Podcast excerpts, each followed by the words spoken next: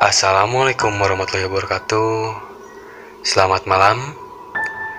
Selamat bergabung kembali di Scary Voice Podcast. Masih barengan saya Revi Aldi Fadilah dan di kesempatan yang baru ini saya akan kembali menceritakan pengalaman horor yang telah dikirimkan melalui alamat email revialdi.fadilah@yahoo.com. Dan pengalaman horor yang telah dikirimkan itu pada malam hari ini akan menceritakan mengenai kegiatan KKN. Pengalaman ini dialami oleh Mbak Mary dan mungkin banyak kalian yang telah mendengar mengenai pengalaman horor di saat melakukan kegiatan KKN di mana pun itu daerahnya tapi pengalaman horor yang satu ini sangatlah mengerikan karena di pengalaman yang satu ini akan ada kejadian yang tidak akan kalian dengar dari pengalaman-pengalaman KKN lainnya. Tentunya pengalaman itu sangatlah sangat menyeramkan. Dan pengalaman ini datang dari Mbak Mary dan bagaimana pengalaman dari Mbak Mary ini berikut adalah ceritanya.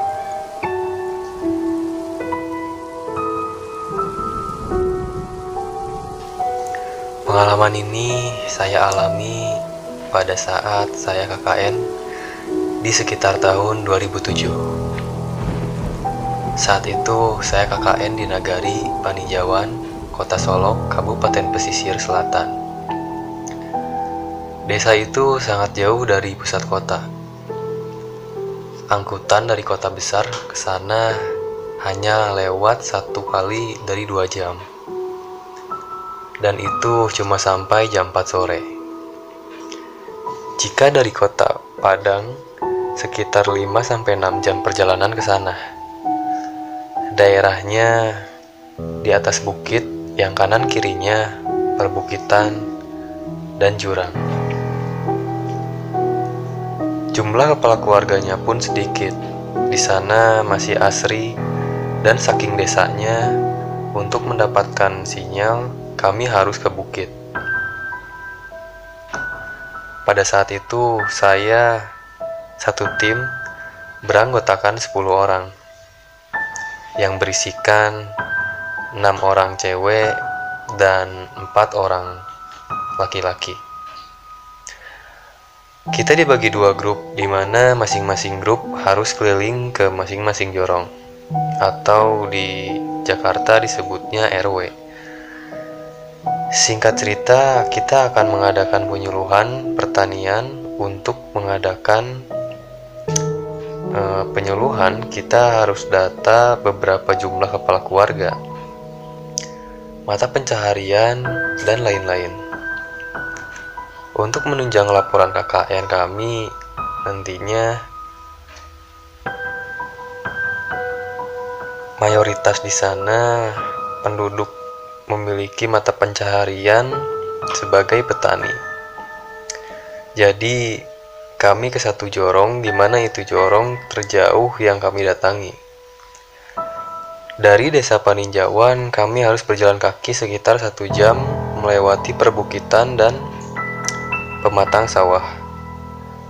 Saya lupa nama jalannya apa, tapi pada saat itu kita sampai di jorong itu sekitar jam 2 siang.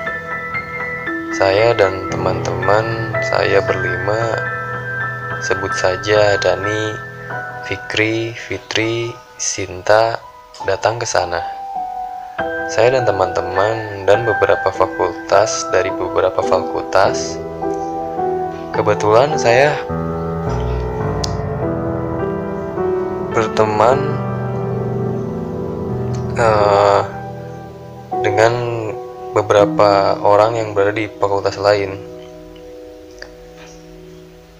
Teman saya yang lain ada dari hukum, sosiologi, dan ekonomi. Sesampainya di sana, kita fokus untuk bertemu kepala jorong. Tapi sesampainya di se sekitar rumah sana, di dekat rumah Pak Jorong, kami melihat pintunya tertutup. Rumahnya terbuat dari kayu dan bangunan tua dan kiri kanan tidak ada tetangga sama sekali. Pada saat kami panggil-panggil ketua jorong, kami melihat anak kecil berlari menuju belakang rumah. Anak itu tingginya sekitar seperti seumuran anak lima tahun, mengenakan baju berwarna putih. Uh, warna bajunya putih kekuningan, rambut cepak, celana hitam, dan kami pikir itu anak Pak Jorong. Saya suruh Fikri mengejarnya ke belakang rumah. Pada saat temanku mengejar anaknya, sudah tidak ada. Kami berpikir anaknya masuk rumah. Ternyata pintu rumah Pak Jorong di bagian depan dan belakangnya itu digembok. Tapi kami berpikir bahwa itu anak tetangganya Pak Jorong. Tapi di sekitar rumah Pak Jorong tidak ada tetangga. Mana mungkin tetangga jauh anaknya bisa main ke sini. Di sana hanya rumah Pak Jorong sendiri. Timbul tanda tanya di kami mengenai siapakah anak kecil itu dan tidak lama kemudian Pak Jorong datang dengan istrinya. Ternyata mereka baru pulang dari sawah. Lalu kami berkenalan dan beliau berdua mempersilahkan masuk. Selama di rumah, kami ngobrol dan beliau berdua. Kami menyampaikan maksud dan tujuan kami datang ke sana untuk mendata berapa jumlah kepala keluarga di sana untuk kami undang di acara penyuluhan. Beliau sudah sangat tua, ya umurnya sekitar 50 tahunan. Dan pada saat ngobrol saya pun beranikan diri untuk bertanya, Anak ibu lagi di mana bu? Dan si ibu pun menjawab bahwa anaknya lagi tidak berada di rumah. Oh, gitu. Anak ibu ada berapa yang paling kecil? Ada yang masih sekolah ya, Bu? Dan ibu pun menjawab, "Tidak, anak saya sudah gede semua. Paling kecil kuliah di Padang." Kami pun kaget. Lalu, anak kecil yang masuk ke rumah ibu yang lari-lari tadi itu siapa? Tapi Ya sudahlah, kami tidak lagi berani bertanya, dan kami hanya diam dengan seribu pertanyaan di pikiran kami masing-masing, sambil berpandangan satu sama lain. Kami pun masih keheranan dengan jawaban dari ibu jorong tersebut. Singkat cerita, karena jam sudah menunjukkan pukul setengah lima sore, kami pun pamit untuk pulang. Tapi sebelum pulang, saya izin dokumentasi terlebih dahulu. Kebetulan saya sebagai bendahara sekaligus sesi dokumentasi.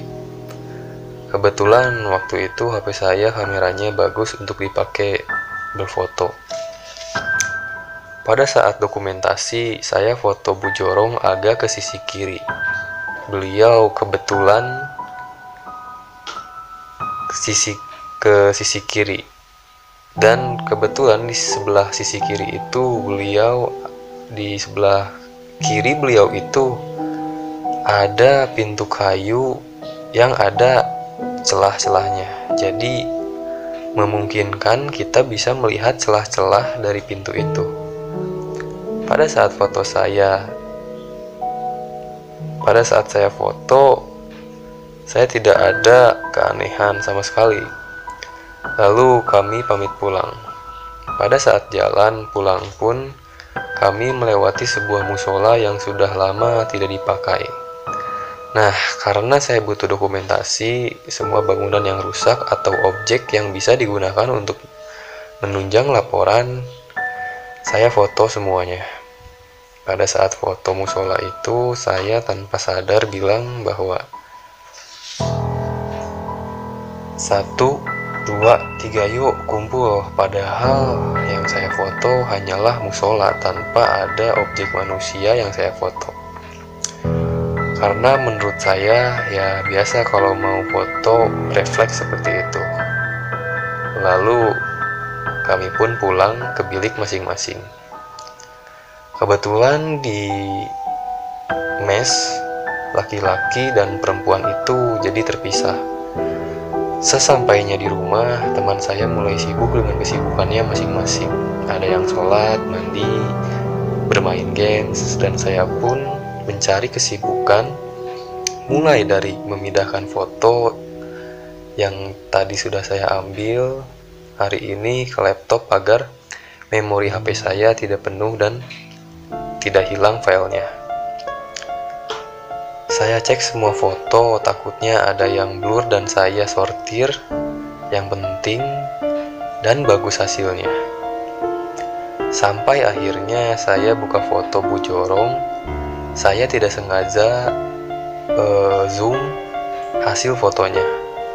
Ternyata di samping kiri Bu Jorong yang saya foto tadi itu ada sosok anak kecil dengan baju putih kekuningan rambutnya cepak, kulitnya pucat, dan memakai celana pendek.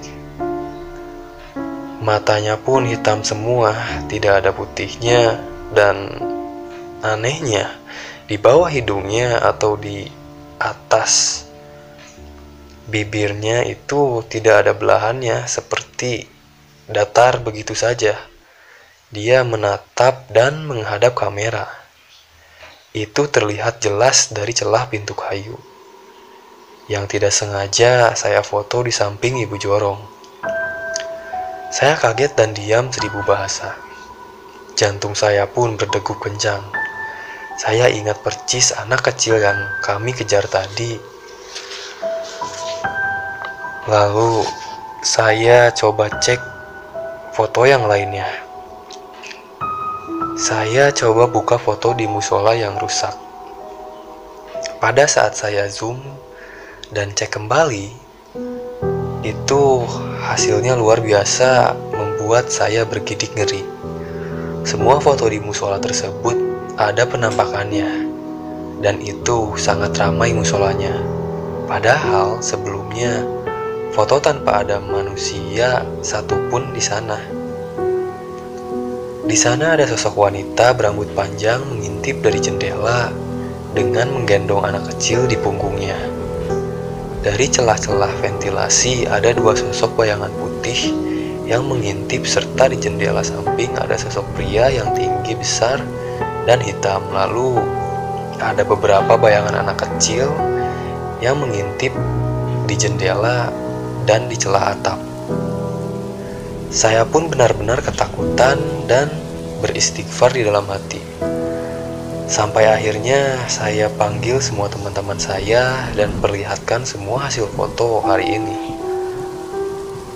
Dan akhirnya semua semuanya pun ketakutan dan minta semua foto itu dipindahkan ke dalam folder yang berbeda agar jadi cerita untuk kami nanti. Tapi sayangnya tragedi pun terjadi. Pada saat empat hari menjelang akhir KKN, kami pada saat itu laptop kami di charge. Laptop kami tiba-tiba meledak dan semua file kami terhapus dan terbakar. Di HP saya pun semuanya sudah bisa saya hapus dan dipindahkan ke laptop. Sehingga saat kami membuat laporan KKN pun, semua materi laporan dan semua foto tersebut hilang lenyap terhapus oleh api. Padahal itu juga laptop rekan saya Fikri. Semua pun berpikiran apakah ini ada hubungannya dengan menyimpan foto penampakan itu. Pertanyaan itu terus difikirkan saya sampai saat ini. Ya, berikut tadi adalah cerita dari Mary. Terima kasih untuk Mbak Mary atas kiriman ceritanya.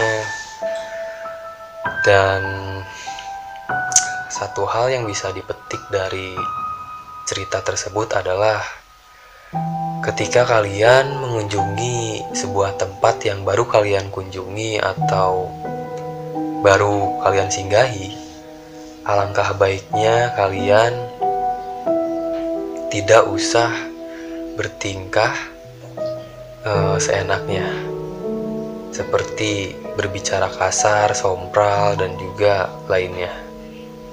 Dan ada satu hal yang menyeramkan di cerita tersebut, yaitu ketika Mbak Mary saat ingin berfoto di musola yang kosong yang sudah lama tidak terpakai. Sebelum memfoto, dia sempat bilang, satu, dua, tiga, ayo berkumpul semua. Nah, dan pada akhirnya saat dilihat hasil foto di musola tersebut, yaitu sangatlah mengejutkan karena di musola itu sangatlah ramai ada kuntilanak, ada anak kecil, genderuwo, dan makhluk-makhluk astral lainnya. Ya mungkin itu terjadi karena ucapan Mbak Mary itu sendiri yang berbicara ayo kumpul yang mungkin mereka juga merasa terpancing untuk datang di musola tersebut. Oke, okay, uh, eh, Mungkin segitu saja pembahasan dan cerita kita di malam hari ini. Dan di episode selanjutnya saya akan membawakan segmen Mystery Talks yang di mana akan membahas uh, mengenai dentuman misterius yang terjadi beberapa waktu yang lalu. Oke, okay, uh, saya Revi Fadillah Terima kasih untuk kalian semua yang sudah meluangkan waktunya mendengarkan podcast ini. Dan sampai berjumpa lagi di episode selanjutnya. Wassalamualaikum warahmatullahi wabarakatuh. Good night.